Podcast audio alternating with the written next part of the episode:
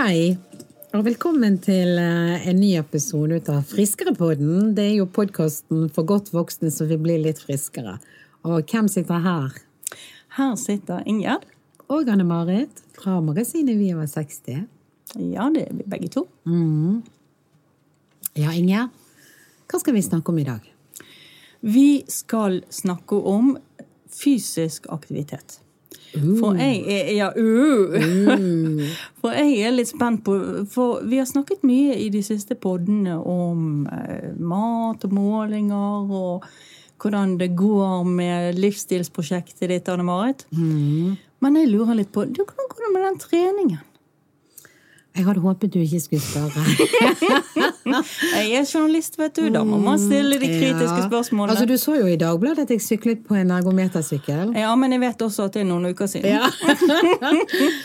Nei, for å være helt seriøs. Um, eh, de siste to-tre ukene så har jeg eh, ikke fått trent sånn som jeg eh, har planer om, og som jeg begynte veldig godt med. Jeg har jo kjøpt et treningskort på et treningsstudio, et helsestudio.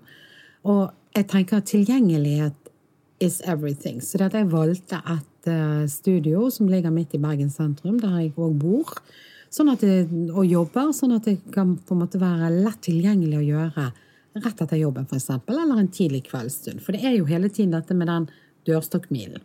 Ja, det er det. For det å kjøpe seg kort på treningsstudio er det jo mange som gjør. Eh, Så tanken bak at det skal være lett tilgjengelig, er jo veldig god. Men så er det det å, å Å gjennomføre. gjennomføre. Og, og eh, jeg, har, eh, jeg tenker det at det er viktig med fysisk trening nå i forbindelse med kostholdsomleggingen. Men jeg er veldig klar på det at kiloene de ligger i maten og i kostholdet, og grammene ligger i treningen. Men jeg vet at trening Altså, jeg elsker å trene. Jeg må si det at jeg, jeg har jo vært veldig aktiv i mine yngre dager. Jeg har drevet med aerobic. Har du hørt om det, Inger? Ja, det er så gammel er Ja, jeg ikke. altså jeg drev med aerobic på et, eh, på et altså Jeg var 18-19-20 år på et sånt grendehus eh, der jeg bodde. Jeg fikk jo barn da jeg var 20, og det var mitt fristed. Det var liksom å gå ut to ganger i uken eh, mens mannen var hjemme og passet baby og småunger og sånt etter hvert. Eh, Så gikk jeg da på aerobic. Jeg hoppet og spratt og var virkelig Altså, jeg hadde mye energi. Og jeg eh, eh, det endte faktisk med at jeg ble aerobic-instruktør i kjelleren på den blokken der som min mor bor, og da var det alle gamle naboene mine som kom. Og da var jo jeg instruktøren, og de hoppet og sprettet. Så jeg har alltid egentlig, så jeg har egentlig alltid holdt på med noe trening. Eh, hatt eh, treningskort på helsestudio. Eh, det gikk fra liksom grendehuset til et skikkelig studio. Og når du er småbarnsforelder, så er det fantastisk å få de der lufte... Altså rett og slett blir pustehull. Ja. Egen tid, rett og slett. Ja, det ble egen tid. Og når jeg da ble skilt, da var jo jeg relativt ung fremdeles, jeg var jo skilt før jeg var 30, da skilte meg og min barndomskjæreste og faren til mine barn seg. Og da var jo det sånn annenhver helg og en dag i uken. Og eh, når jeg da hadde frihelg, så fant du meg på en tredemølle. Eh, du fant meg på, i en klasse eh, på treningsstudio. Og hvis du spør barna mine, så har de tilbrakt masse tid i, i disse her lekerommene som de har på treningssentrene. Så egentlig så har jeg det litt i meg. Eh, Og så har jo jeg gjort mye mindre trening de siste årene. Ja, hva kommer det av? Nei, en kombinasjon at jeg har vært lat, at jeg har hatt lite energi, at jeg har hatt litt sånn plager med knær. Altså, det har alltid vært noen gode grunner. Og så har vi flyttet litt. Grann, eh, sant? Jeg møtte jo en ny kjæreste i voksen alder og, som ikke hadde inn, innarbeidede treningsrutiner. Han spiller fotball. Så det var ikke sånn at han dro meg med inn i et helsestudio. Vi går på tur, det gjør vi. Og jeg har drevet mye med yoga de siste årene, så det er jo helt feil å si at jeg ikke har trent. Men jeg har trent på en annen måte. Jeg har, jeg har, jeg har jo eh, eh, eh, utdannet meg som sånn yin-yoga-instruktør. Det gjorde jo jeg her for noen, et par år siden. Så jeg har jo hatt egne klasser. Men det er, en, eh, det er ikke mye puls, da, men det er mye fysisk. Altså det er mye tøying og bøying og mye fysisk eh, øvelser og veldig gode øvelser. Så jeg har hatt veldig mye Det det er der fokuset mitt har vært de siste årene. Ja, yoga er jo bra for eh, voksne kropper. Absolutt. Men det som du sier, det, det får ikke nødvendigvis pulsen så mye opp. Nei, og, og, men jeg, jeg kjenner at kroppen min har hatt veldig behov for det. Jeg er veldig myk og elastisk. Eh, så det har vært, eh, jeg syns det har vært en veldig god investering. Og så er jo det veldig bra for hodet òg. Hvile, mental, altså mye meditasjon. Jeg har vel vært noen år der det har vært veldig mye å gjøre jobbmessig, og det har vært eh, en annen livsfase, og da, er det det jeg har prioritert. Men vi, har gått, eh, og vi har gått mye på tur, og på Fløyen og rundt om i byen. Altså rett og slett mer sånn ut i naturen-opplevelser. Men så, nå når jeg skulle starte dette prosjektet igjen, da, så skjønte jo jeg at jeg var nødt til å sette dette litt mer i system. Eh, og da var det å gå de eh, skrittene ned til et eh, helsesenter eller treningssenter og så kjøpe et kort. Så nå har jeg et kort for et år. altså bindet meg for et år. Um, Bruker du det? Absolutt, men som sagt, ikke de par siste ukene. Og det er rett og slett fordi at jeg har vært på reise. Altså når jeg er i Bergen, når hverdagen min er eh, på plass, hvis jeg kan si det sånn, så har jeg gått to ganger i uken fast. Eh, og det syns jeg som jeg sier, jeg, altså jeg kjente umiddelbart gleden igjen ved å trene. Det var, Jeg elsker å gå på tredemølle. Det er jo helt sykt! altså, det er jo helt sykt. Altså, du, du, går 20 minutter, en halvtime, og tankene mine altså, det er sånn, eh, Jeg driver selvsnakk, jeg bare tømmer hodet, beina mine bare går. Jeg kjenner at jeg får sånn lykkeendorfiner. Så når jeg liksom eh, hadde tatt på meg denne der eh, eh, tightsbuksen og T-skjorten og, og, og, kom inn i det miljøet igjen, så kjente jeg ja, her hører jeg egentlig til. Så um, jeg har savnet det. Jeg skal å trene i dag. Eh, jeg har vært eh, nesten tre uker på farten, både i utlandet og i Norge. Og da ser jeg hvor lett det er å på en måte komme ut av eh, vanen din. Altså, sånn, for det treningsstudioet er jo ikke der. Og jeg har heller ikke vært på hoteller og jeg har beveget meg mye fra sted til sted, og sånn, så jeg har liksom ikke fått Jeg har ikke vært på hoteller der det har vært sånn pusterom nok. Altså det har nok vært en trimsykkel et eller annet sted, og sånt, men eh, det har ikke vært pusterom nok i, i det opplegget jeg har hatt til at jeg har liksom prioritert det. Jeg har gått litt på tur. Det har jeg gjort. Og det er lett å gjøre yoga på egen hånd òg. Så det gjør jeg. Men det er mest for min egen mentale rett og slett, trening da, og velvære. Eh, men eh, nå gleder jeg meg til å gå og trene igjen i dag, faktisk. Vi har jo faktisk en kollega på kontoret som eh, er et forbilde i så måte. Ja. Fordi at Når han reiser, så bestiller han jo samtidig plass på et treningsstudio i nærheten. Det ja. syns jeg er imponerende. Men som du sier, du må jo også ha tid. Ja, og jeg tenker det at man har nok helse som en veldig høy verdi. Eh, og han har trening som er veldig høy verdi. Vi har jo snakket tidligere om dette verdisystemet vårt og verdihierarkiet. Du vet, Jeg sliter jo fremdeles med å få liksom trening opp blant de fem viktigste tingene i livet mitt. Det er mer en sånn hygienefaktor. Sant? Altså, Jeg vet at det er bra for meg å gjøre. Men jeg er ikke sånn at jeg nødvendigvis våkner om morgenen og tenker yes, i dag er dagen jeg skal ned og trene. Men når jeg er der og trener, da kjenner jeg at jeg får disse her lykkeendorfinene. Jeg får de virkelig, altså. Og, og, eh, og, jeg har jo lagt opp et opplegg. Jeg har jo, eh, første gangen jeg eh, kom ned til dette treningsstudioet, så ble ble jo jeg guidet da, av en instruktør. Og så sa jeg at dette var fra magasinet Vi over 60, og at jeg hadde, var på et sånt prosjekt og hadde tenkt å komme der litt sånn jevnt og trutt, om det var greit at jeg tok litt bilder innimellom. Ja, det var helt greit. Men du vet, jeg så jo at han så på meg sånn sånn Ok, du er ikke 60, men du er jo middelaldrende. Jeg legger opp et opplegg til deg eh, som er deretter. Så han kjørte meg igjennom et program som jeg bare tenkte Herlighet, min unge mann. Her eh, eh, Jeg kan bedre enn dette. Mm. For han, han la litt sånn Han lagde et litt sånn eh, eldre program, på en måte. Hadde veldig sånn fokus på øvelser som man kan gjøre når man er 60 og 70-80. Vel, vel og bra, det. Men jeg er 52. Så jeg gikk nå gjennom det programmet, og har jo det sirlig skrevet ned. Justerte det allerede på time to. Sånn at jeg har tilpasset det, nær sagt det min kropp, da. Ja, stikkordet er nemlig tilpasset din kropp. Mm. For jeg tenker at her er det ikke nødvendigvis alderen som er avgjørende. Eh, Her er det store individuelle forskjeller mellom hva for et nivå du begynner på. Og han gikk jo på en måte litt i fellen, da. Absolutt. Og det er jo også noe vi, vi jobber veldig med i Vi over 60. Det er jo dette med å få vekk eh, dette stempelet. At du, når du er over en viss alder, så er du sånn og sånn og sånn. og sånn. Mm. Som om alle var en sånn eh, grå eh, hop. Absolutt. Og, og det, det, det merket jeg liksom var holdningen hans, men samtidig ga han veldig mye kred til målgruppen vår. Altså han sa han syntes det var kjempefint at så mange godt voksne var og brukte senteret. Og jeg så jo det med egne øyne. Masse folk som gikk på, på tredemøller og var pumpet jern og gjorde forskjellige ting. Jeg eh, har bare bestemt meg for at jeg skal gjøre Jeg følger jo ikke klasser nå, da, så jeg har sluttet med aerobic. Jeg har sluttet med step, altså de tingene som jeg har gjort en del ut av. Men jeg eh, har et styrketreningsprogram. Og det vet jo du, Ingjerd, og det vet jeg. Og vi har skrevet mye om det. At styrketrening blir jo viktigere og viktigere eh, jo eldre du blir. Det er helt riktig. Styrke er veldig veldig viktig for oss å ha god balanse. Og god balanse er viktig for å ikke skade deg. For skader du deg opp i eh, årene, så eh, kan det ha mye større konsekvenser enn når du får noe når du er yngre. Det er jo akkurat, og, og, og, det som, eh, og det er jo utrolig mye altså Det som er så greit med å gå på et treningssenter, det er jo det at forholdet ligger til rette for at du kan bruke kroppen. Så jeg synes det er veldig sånn, altså du, du slipper å tenke. Du drar det der kortet, du kommer.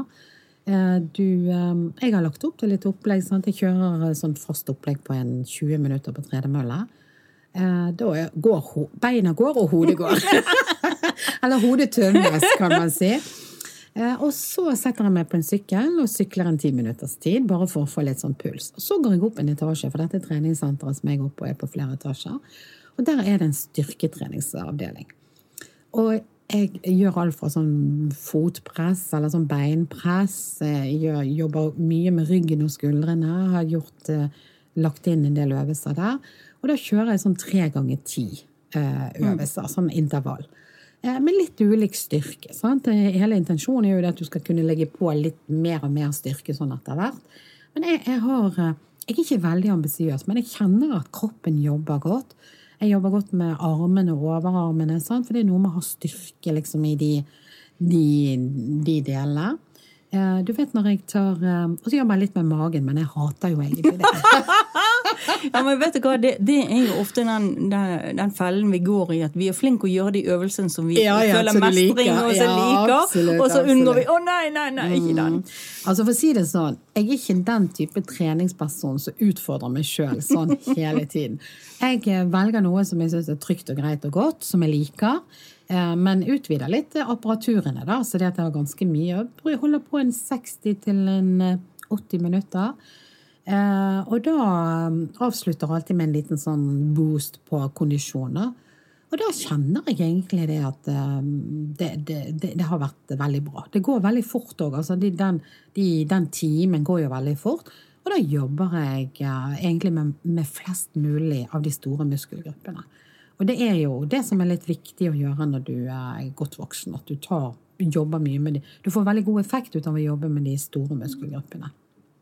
Det er jo det som er bæreapparatet. Mm.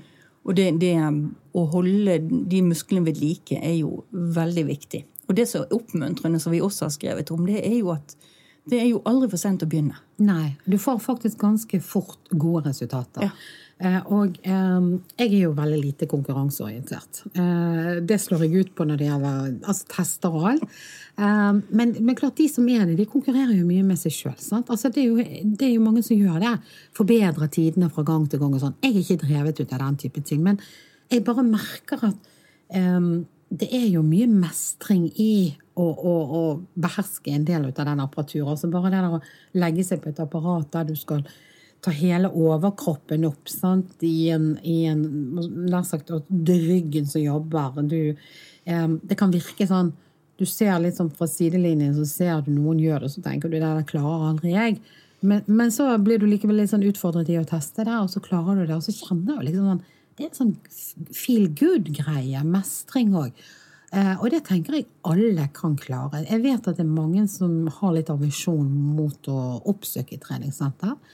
Um, og det det tenker jeg er litt dumt. Fordi at eh, noen altså Når jeg har spurt om dette her tidligere, sant? noen litt voksne da, sånn, vil ikke du inn på et treningssenter, så um, er det en del som har noen forestillinger om hva som skjer der. Ja, Hva slags forestillinger har de, da? Nei, det er jo alt fra at du må se ut på en spesiell måte, at du må være kledd på en spesiell måte, at du kanskje må ha noe type sånn fancy sportstøy eller et eller annet.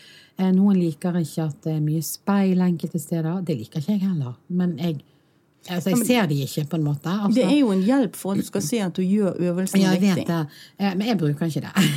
jeg tilhører de som ikke liker å se meg sjøl i speilet på den måten. Men jeg trenger jo ikke å gjøre det. Jeg kan ha fokuset på øvelsen av det.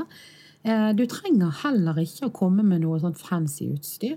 Ja, noen steder. altså Du husker i aerobikens eh, glansdager når Jen Fonda Ja. kom ut med disse her eh, videoene og sånn, så var jo det sånn intetsittende eh, glossy kule, sant? Eh, Leggvarmere og pannebånd. Og... pannebånd, intetsittende, sånn, gjerne sånne halvtopper oppå sånn.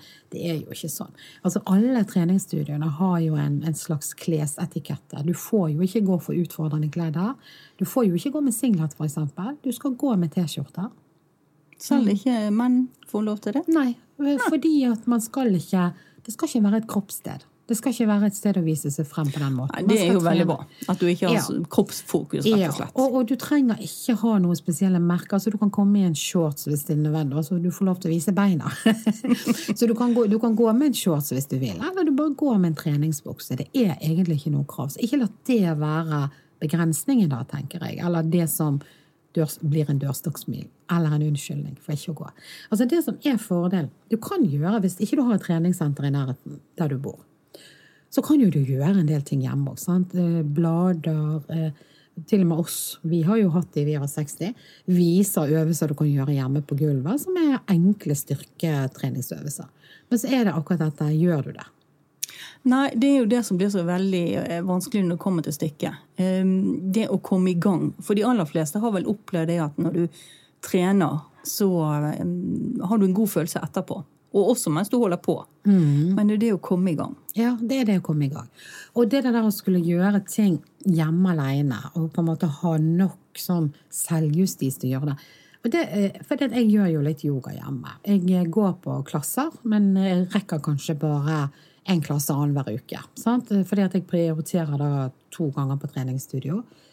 Jeg kan ikke ha for mye ambisjoner utover det. Jeg har jo et liv utenom dette her òg. Det er barn som skal besøkes, og eldre foreldre, og eh, Ja, det, det er mye som skjer. Og så er det lange arbeidsdager på jobben. Sånn at eh, Så hvis jeg klarer å få en ordinær yogatime en gang hver 14. dag, så er jeg heldig.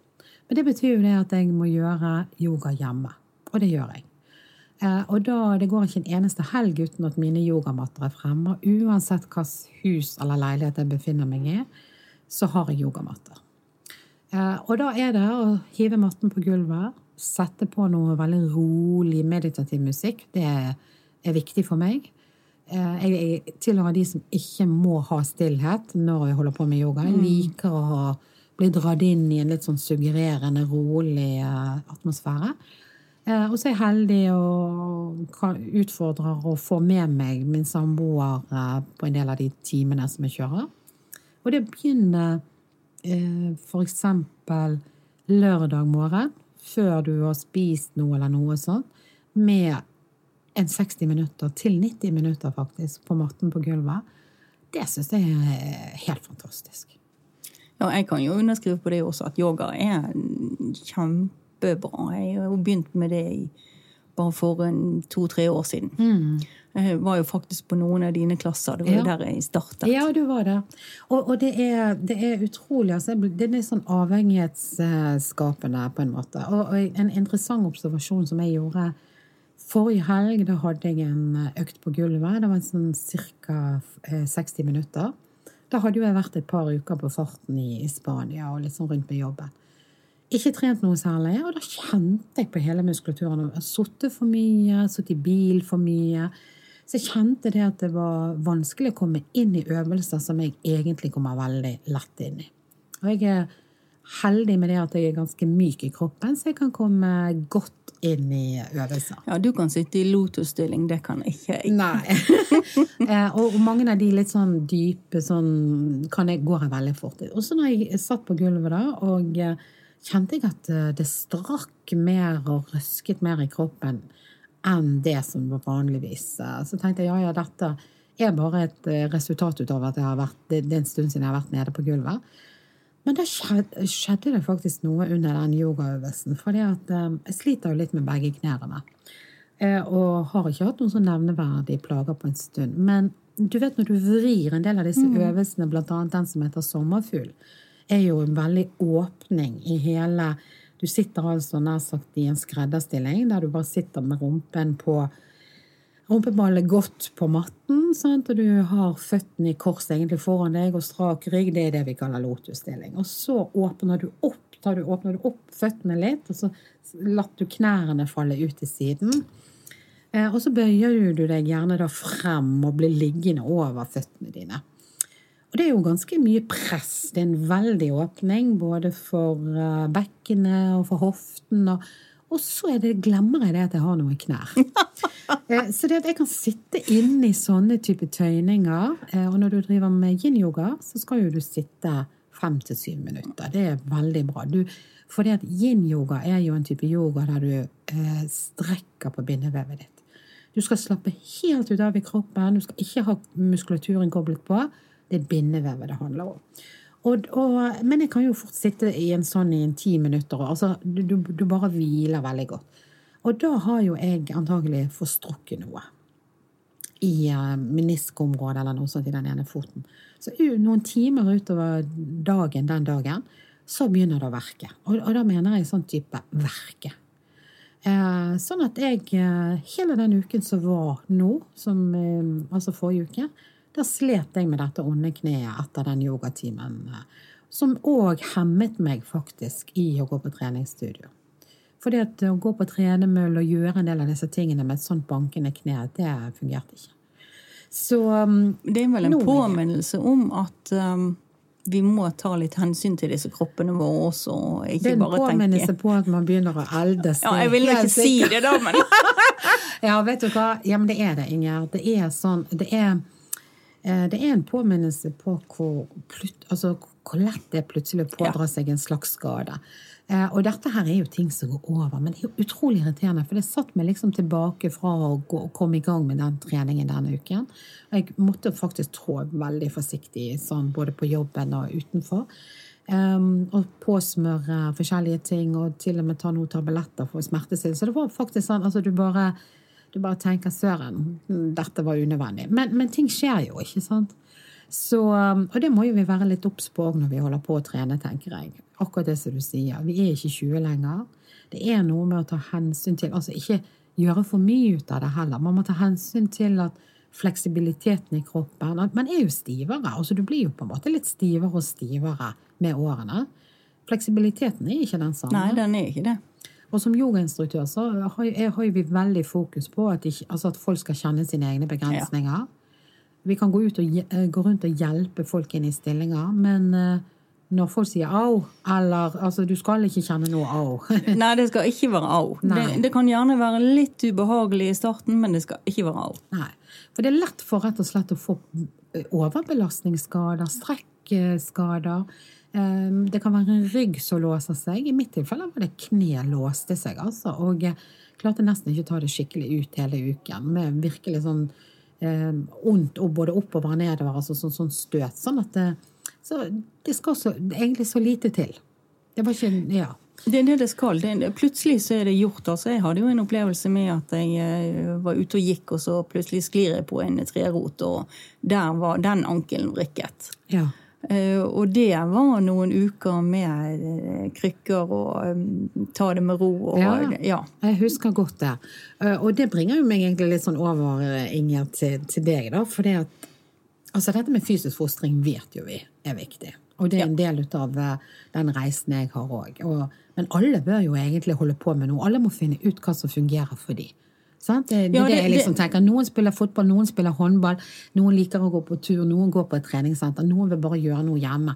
Men vårt budskap er jo sånn i utgangspunktet sånn øk hverdagstrimmen. Litt sånn gå nå opp de der fire etasjene til kontor eller hjemme, eh, og organiser noe. Men hva er din filosofi, egentlig? Altså Min filosofi er jo en slags utvidet hverdagstrim. Det er å bruke eh, naturen spesielt. Jeg er avhengig av å være i natur egentlig nesten hver dag. Um, det gir meg en ro, og jeg kan altså gå rundt i naturen, gå, og helst med et formål. Altså plukke noe, sanke noe, bære noe. Men er det trening, da? Det kan i aller høyeste grad være trening. Um, og så har jeg altså uh, bestemt meg for å bo et sted som ikke er så tilgjengelig, kanskje. Um, ikke i den forstand at det ligger forferdelig usentralt, men uh, det ligger litt for seg sjøl og uh, har en eh, ganske bratt bakke opp. Ja, hvis jeg kan få korrigere deg litt der, så er det sånn eh, Vil jeg si det sånn, det er sånn type sånn huset oppi lien, sant? Eh, Med veldig bratt bakke og en del svinger opp, ikke det sånn? Jo, det er alt etter hvordan du ser på det, men eh, ja. det er I det, min verden er det i hvert fall, der er det i hvert fall bratt, så det, det er godt det at det går an å kjøre et stykke opp på veien når du skal på besøk. Ja, men fortell litt. Altså, du er 65 år. ja.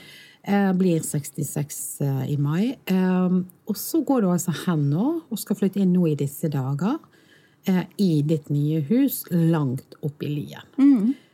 Hva tenker du på? Jeg må bare spørre. Hva tenker du? Fortell meg og lytterne hvordan du tenker. Det er en del som har stilt meg det spørsmålet. Ja. Ja. ja. tanken bak det var jo eh, det at jeg ville ha et sted med noe grønt rundt. Det var utgangspunktet. Jeg ville gjerne ha et lite hus. Og eh, det måtte være grei reiseavstand til jobben. Eh, Jeg også liker også dyr. sant? Jeg har en katt eh, det skal være plass til. Det er ikke alle steder du kan ha det i en leilighet. Og så er det dette at jeg er ikke så veldig fan av Jeg er de som ikke hører til blant de som ikke er så fan av, av um, treningsstudio.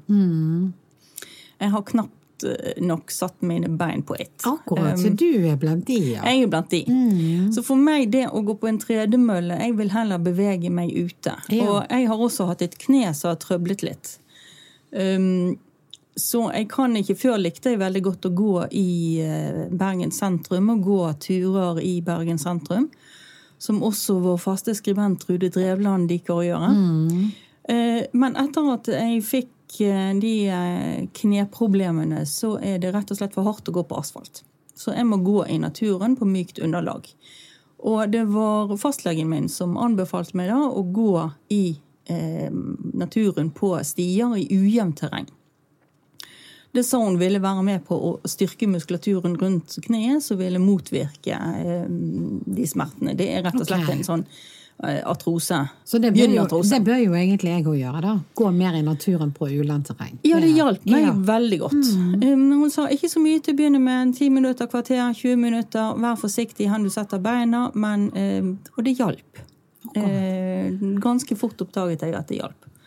Så liker jo jeg å um, ha sånn hensiktsmessig bevegelse, hvis jeg skal kunne kalle det det. Altså eh, bære, flytte på stein og grave i jorden Ja, og slepe ja. på eh, stokker og sage ned trær. du er så sånn. rar, Ingjerd. Altså, du liker sånne ting som vi andre hater. Ja, for det, nå er jo du i gang. For du, har jo holdt på med husbygging tidligere òg, du. Og da var jo du Altså, Da jobbet jo du som en hest. altså. Du, sånn, du lagde jo parkeringsplass utenfor og Altså, du holdt jo på med alt. Og nå er det liksom en runde nummer to. Nå er det runde nummer to. Um, Og du tenker på dette som hverdagstrening. Altså, dette er den treningen som skal holde deg i live, som skal bidra til en god helse. Ja. Men det betinger um, at jeg uh, gjør det i mitt tempo.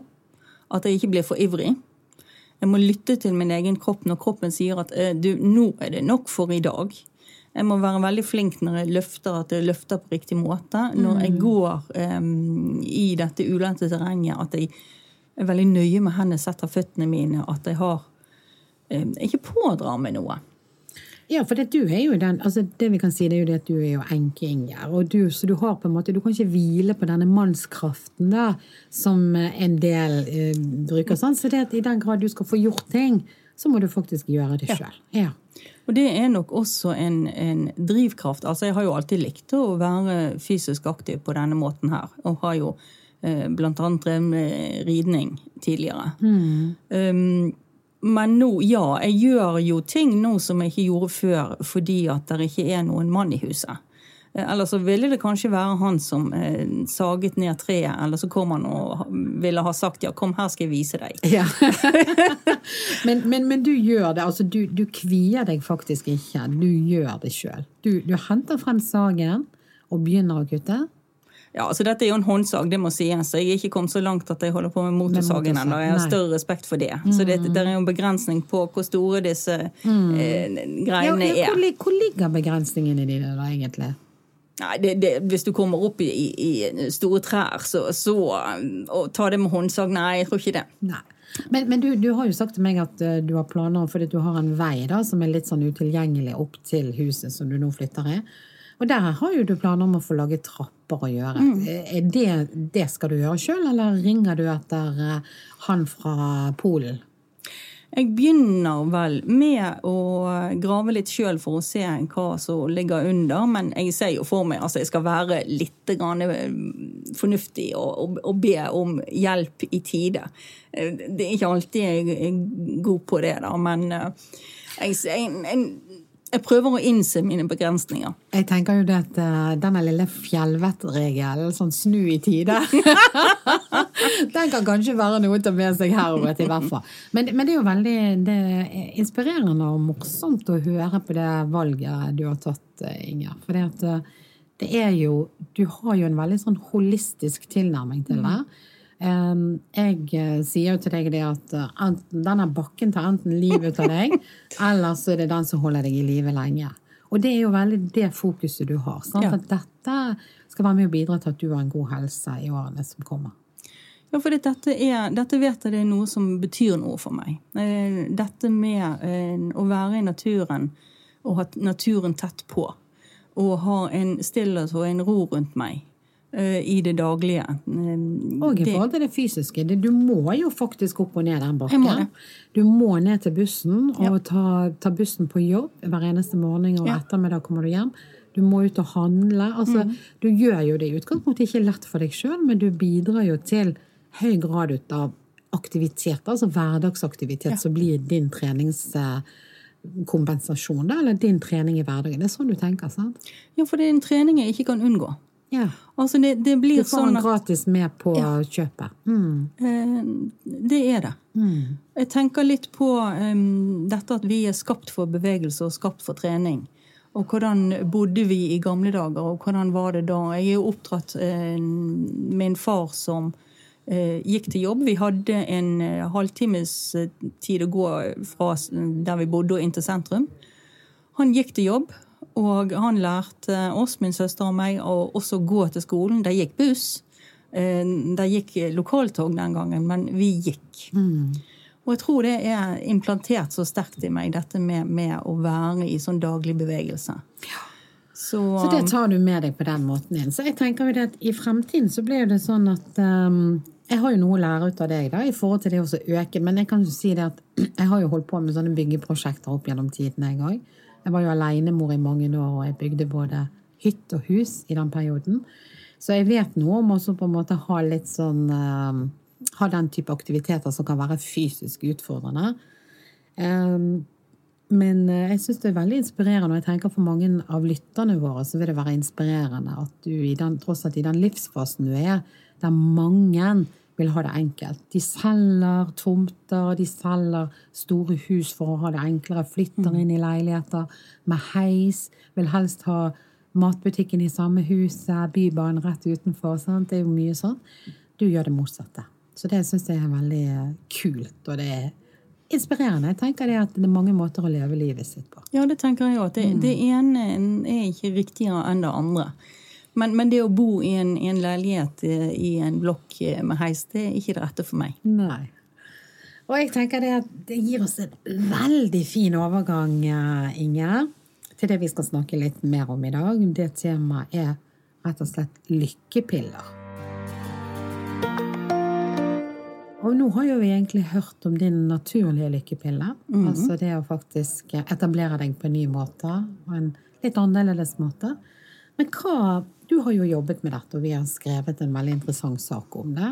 I den forrige podkasten så um, snakket jo vi eh, om depresjon. Og mange vil jo tenke depresjon og lykkepiller eh, henger sammen. Hva kan du si om dette med lykkepiller?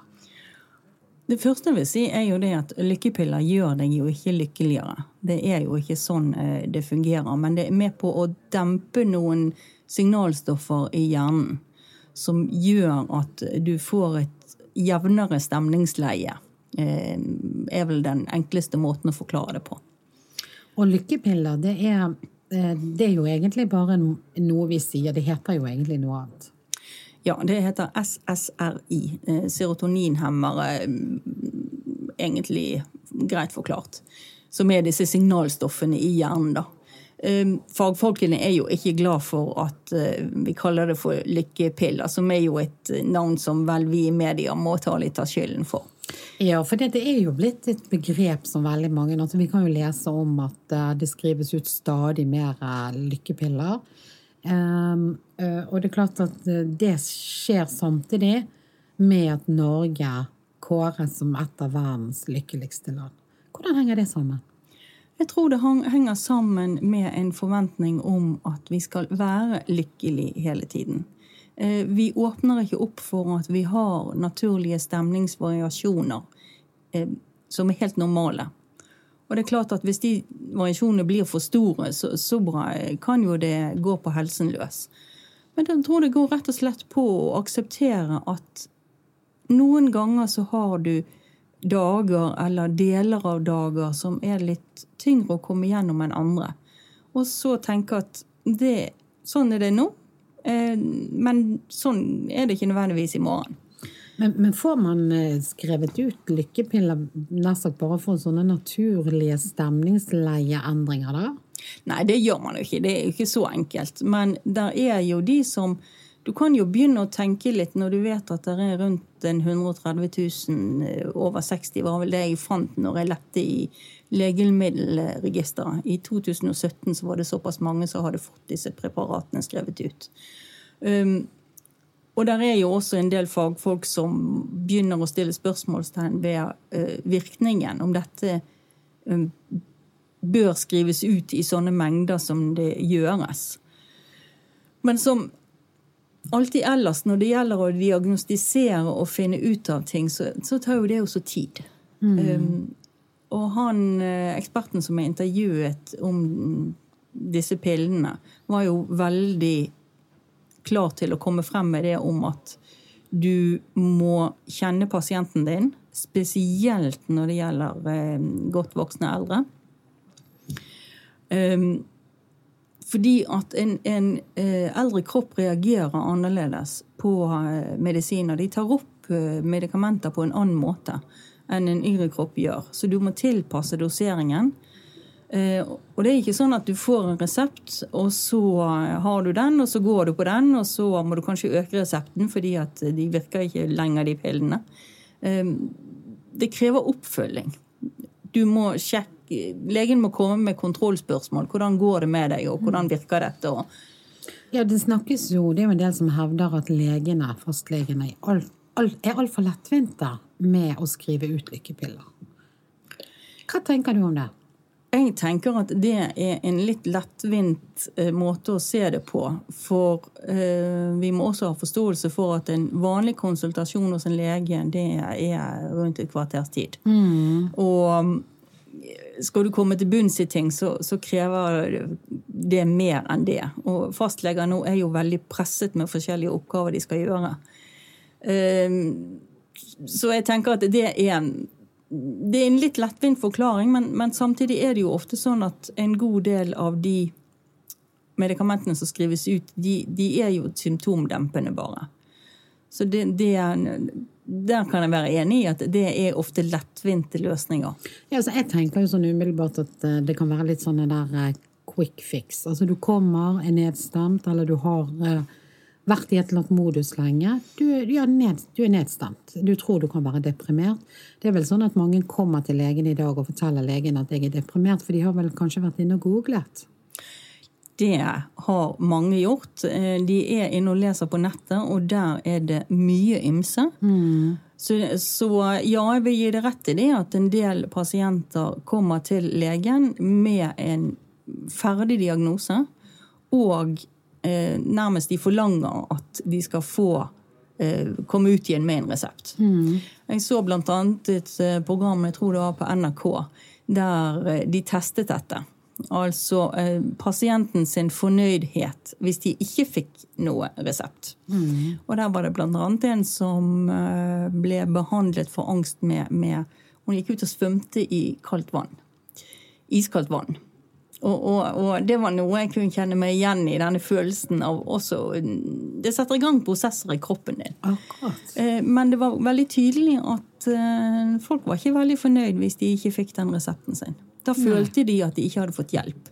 Så jeg tror at dette, mm. dette er ganske kompliserte mekanismer. Ja, for det at du eh, Vi har jo snakket litt om dette sånn i forhold til andre diagnoser man kan få. At man, det er lett å tenke 'gi meg en pille' eller 'gi meg et eller annet quick fix'. Jeg vil bare bli bra igjen. Fortest mulig. Eh, og at legene rett og slett blir litt sånn, føler seg litt presset til å skrive ut de medisinene. For det, jeg tenker jo det er urovekkende med det store forbruket og den økningen som vi registrerer. Mm. Ja, det er jeg enig med deg i. Du, altså, du kan jo på sett og vis trekke paralleller til din egen eh, livsstilsreise nå. Eh, der du kunne ha fått et valg med å ta noen piller. Eh, men du velger da å gjøre det på en annen måte. Så det, det handler jo mye om å vise de alternative veiene som finnes. Og kanskje stå i litt ubehag, kjenne på noen dårlige følelser, eh, men klare det å, bruke litt av sin, sine egne ressurser til å komme ut av det.